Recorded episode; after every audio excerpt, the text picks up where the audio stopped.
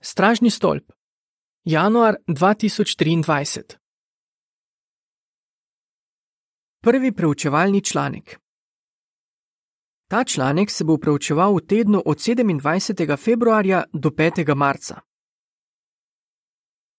Bodi prepričan, da je v božji besedi zapisana resnica. Tematski stavek. Letni stavek za leto 2023. Bistvo tvoje besede je resnica. Psalem 119-160. Pesem 96. Božja knjiga je zaklad. Povzetek. Za leto 2023 je bil izbran letni stavek, ki nam okrepi vero. Bistvo tvoje besede je resnica. Psalem 119-160. Gotovo se strinjaš s temi besedami. Ampak mnogi ljudje ne verjamejo, da je v svetem pismu zapisana resnica in da so v njem zanesljivi na sveti. V tem članku bomo pogledali tri vrste dokazov, s katerimi lahko iskrene ljudi prepričamo, da zaupajo svetemu pismu. Odstavek 1. Vprašanje.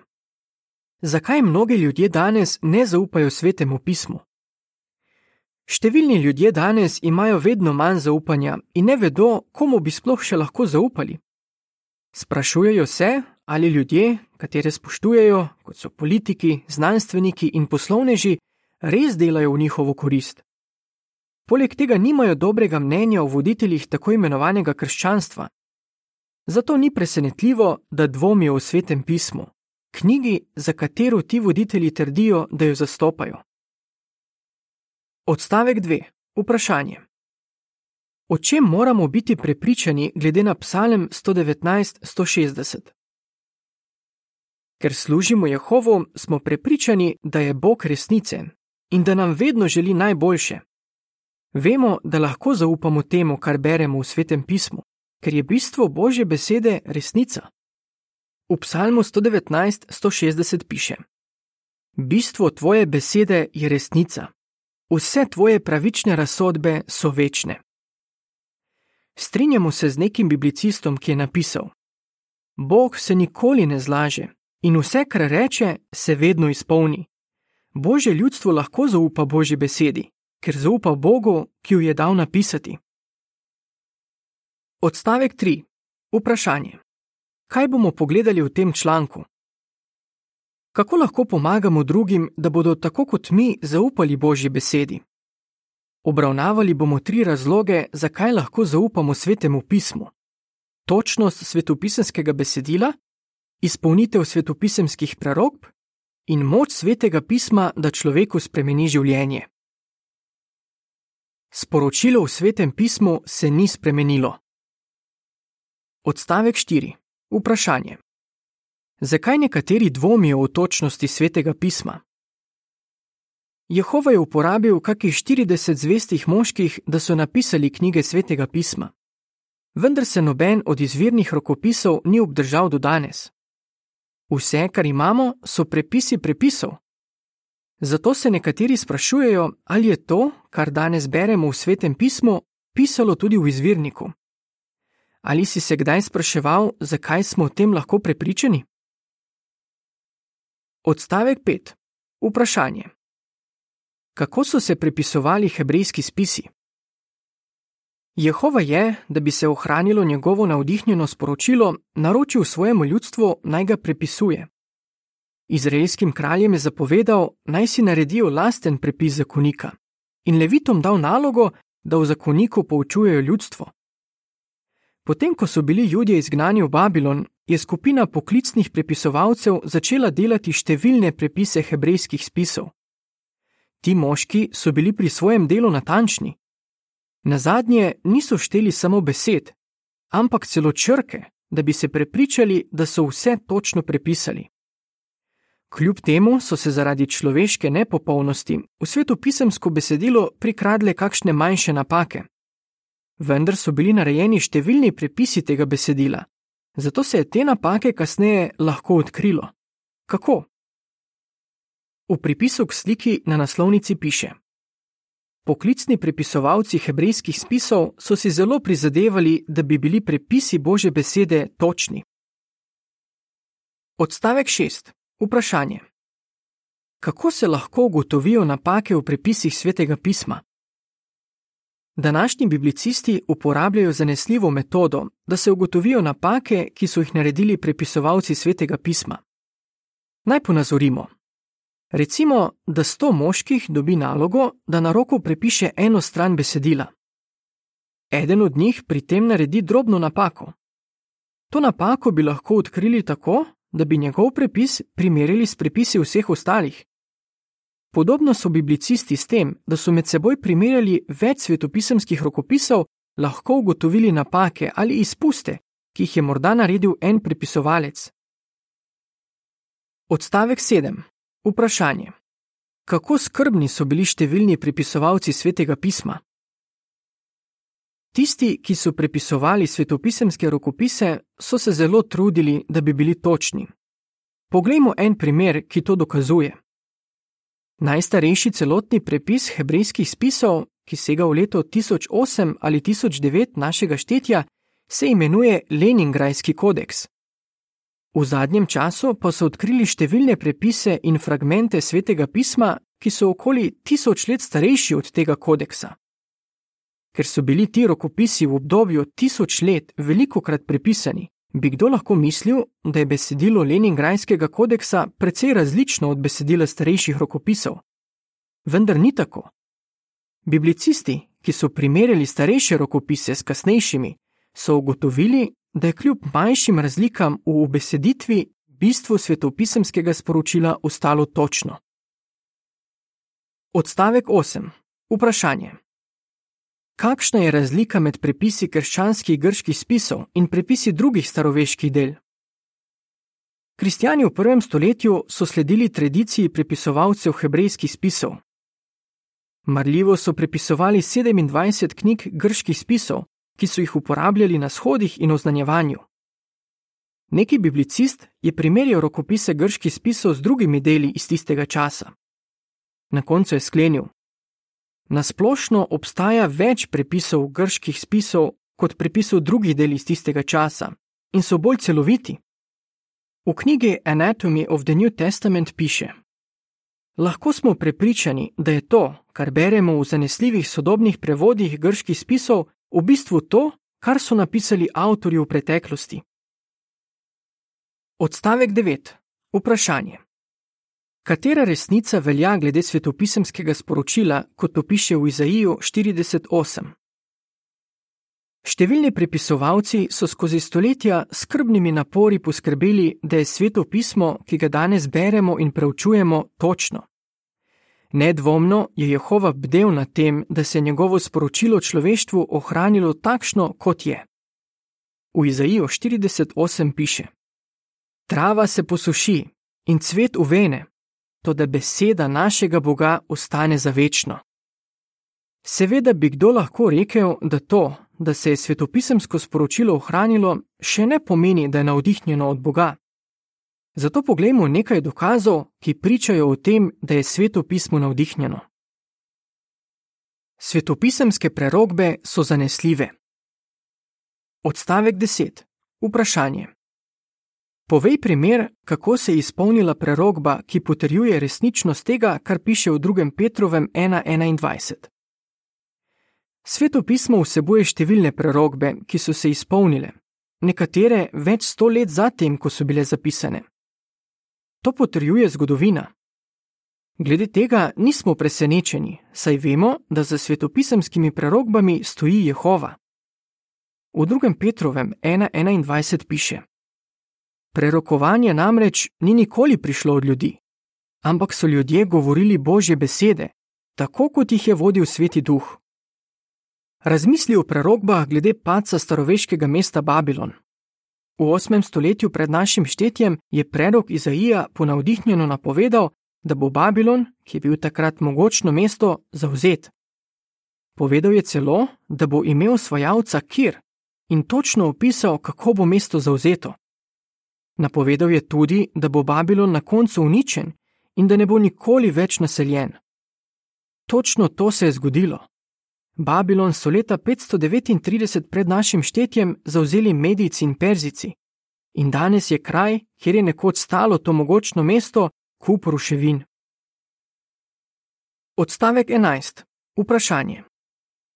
Opiši, kako se Daniel 2:41 do 43 izpolnjuje danes. Svetopisemske prerogbe se niso izpolnjevale samo v preteklosti. Tudi danes se. Razmisli na primer o izjemni izpolnitvi Danielove prerogbe o anglo-ameriški svetovni velesili. V Danielu 2:41 do 43 piše: To, da si videl, da so stopala in prsti deloma iz lončarske gline, deloma iz železa, pomeni, da bo kraljestvo razdeljeno. Vseeno pa bo v njem nekaj trdote železa, saj si videl železo pomešano z mehko glino. To, da so bili prsti na stopalih deloma iz železa in deloma iz gline, pomeni, da bo kraljestvo deloma močno in deloma krhko. Da si pa videl železo, pomešano z mehko glino, pomeni, da se bodo pomešali z ljudmi, vendar se ne bodo držali skupaj, drug z drugim, tako kot se železo ne meša z glino. Ta prerogba je točno napovedala, da bo ta dvojna svetovna sila deloma močna kot železo in deloma krhka kot glina. To lahko vidimo na lastne oči. Velika Britanija in Združene države Amerike so močne kot železo, saj so imele pomembno vlogo pri zmagi v obeh svetovnih vojnah in še naprej kažejo veliko vojaško moč. Po drugi strani pa moč teh dveh držav slabijo njuni državljani, ki zahtevajo pravice s pomočjo sindikatov, kampanj za človekove pravice in gibanj za neodvisnost. Eden od strokovnjakov za svetovno politiko je pred kratkim izjavil: Nobena industrijsko napredna demokratična država na svetu ni bolj politično razdeljena oziroma nefunkcionalna kot Združene države Amerike. Velika Britanija, ki predstavlja drugi del te svetovne velesile, je v zadnjih letih še posebej razdeljena zaradi nasprotujočih si mnen glede tega, kakšne odnose bi morala ohranjati z državami Evropske unije. Takšna razdeljenost anglo-ameriški svetovni velesili skoraj onemogoča, da bi odločno ukrepala. Sledi opis slik, ki sta povezani z odstavkoma 10 in 11. Po božji odredbi je od veličastnega starodavnega mesta Babilon ostal le kup ruševin.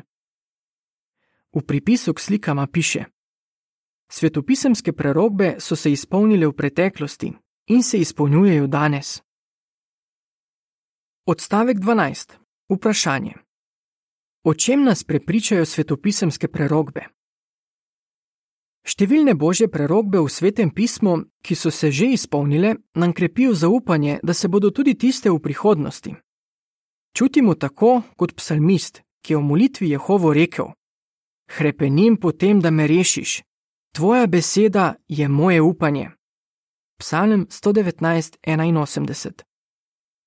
Jehova nam po svetem pismu prijazno pove, da nam hoče dati lepo prihodnost in upanje. Jeremija 29:11. Naše upanje za prihodnost ni odvisno od človeških prizadevanj, temveč od Jehovovih obljub. Še naprej si krepimo zaupanje v Božjo besedo, tako da marljivo preučujemo prerogbe, ki so zapisane v njej. Na sveti iz svetega pisma pomagajo milijonom. Odstavek 13. Vprašanje.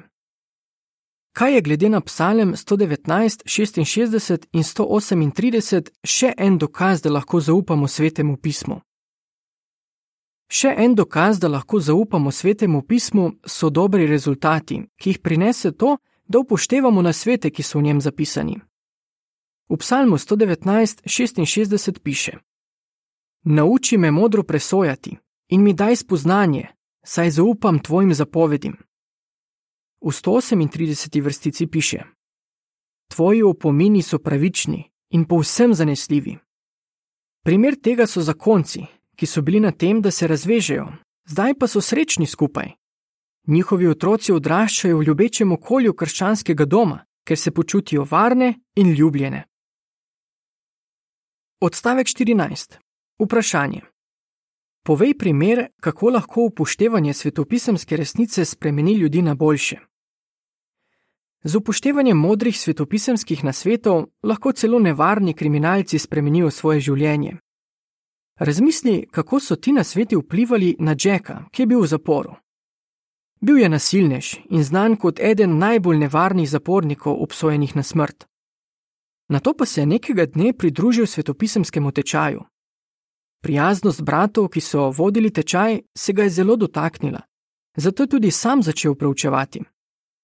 Ko je v življenju pričel upoštevati svetopisemsko resnico, sta njegovo vedenje in osebnost postala lepša. Sčasoma je ustrezal pogojem za nekrščenega oznanjevalca in se krstil. Goreče je oznanjeval drugim zapornikom o Božjem kraljestvu in najmanj štirim pomagal, da so sprejeli resnico. Ko je prišel dan usmrtitve, je bil Jack povsem drug človek. Ena od njegovih odvetnikov je rekla: Jack ni več človek, kakršnega sem poznala pred 20 leti. Nauki Jehovovih prič so mu spremenili življenje. Čeprav so Jacka na koncu usmrtili, se iz njegovega zgleda jasno vidi, da lahko zaupamo Božji besedi in da ima ta moč spremeniti ljudi na boljše. Odstavek 15. Vprašanje. Kako se Jehovove priče z upoštevanjem svetopisemskih nasvetov ločimo od drugih ljudi? Ker Jehovovi služabniki upoštevamo svetopisemsko resnico, smo enotni. Naš mir in enotnost še posebej izstopata v primerjavi s politično, etnično in socialno neenotnostjo v tem svetu. Enotnost med Jehovovim ljudstvom je naredila veliko tist na žona, ki je odraščal v neki afriški državi. Ko je tam izbruhnila državljanska vojna, se je pridružil vojski, ampak kasneje je pobegnil v sosednjo državo. Tam je prišel v stik z Jehovovimi pričami. Žon pravi: Spoznal sem, da se pripadniki prave religije ne upletejo v politiko in niso razdeljeni. Drug drugega imajo radi. Rekel je še: Svoje življenje sem posvetil boju za domovino. Toda, ko sem spoznal svetopisemsko resnico, sem ga posvetil Jehovu. Žon se je popolnoma spremenil. Zdaj se več ne bojuje proti tistim, ki so drugačni od njega, ampak o svetopisemski resnici, ki ljudi združuje, govori z vsakim, ki ga sreča. Dejstvo, da svetopisemski nasveti tako dobro pomagajo ljudem različnih narodnosti, je močan dokaz, da lahko zaupamo Božji besedi. Sledi opis slike, ki je povezana z odstavkom 15. Uprizoritev. Mlad moški se več ne bojuje proti ljudem, ampak se je iz svetega pisma naučil, kako živeti v miru in pomagati drugim, da bi živeli enako. V pripisu k sliki piše: Na sveti iz svetega pisma so že številnim ljudem različnih narodnosti pomagali, da so svoje življenje spremenili na boljše. Še naprej zaupaj Božji besedi, ki je resnica. Odstavek 16. Vprašanje. Zakaj je izjemno pomembno, da si ukrepimo zaupanje v Božjo besedo? Ker se razmere v svetu slabšajo, je naše zaupanje v resnico na preizkušnji. Morda skušajo ljudje v nas zasejati dvome o tem, ali je sveto pismo zanesljivo in ali je Jehova res postavil zvestega in prodarnega sužnja, da nas danes vodi. Toda, če si prepričan, da je Jehovova beseda vedno zanesljiva, boš lahko odbil takšne napade na svojo vero. Odločen boš, da boš Jehovove uredbe ubogal vedno, vse do konca. Psalm 119:112 Ne bo te sram drugim govoriti v resnici in jih spodbujati naj živijo skladno z njo. S potrpežljivostjo in veseljem boš lahko zdržal najtežje okoliščine, tudi preganjanje.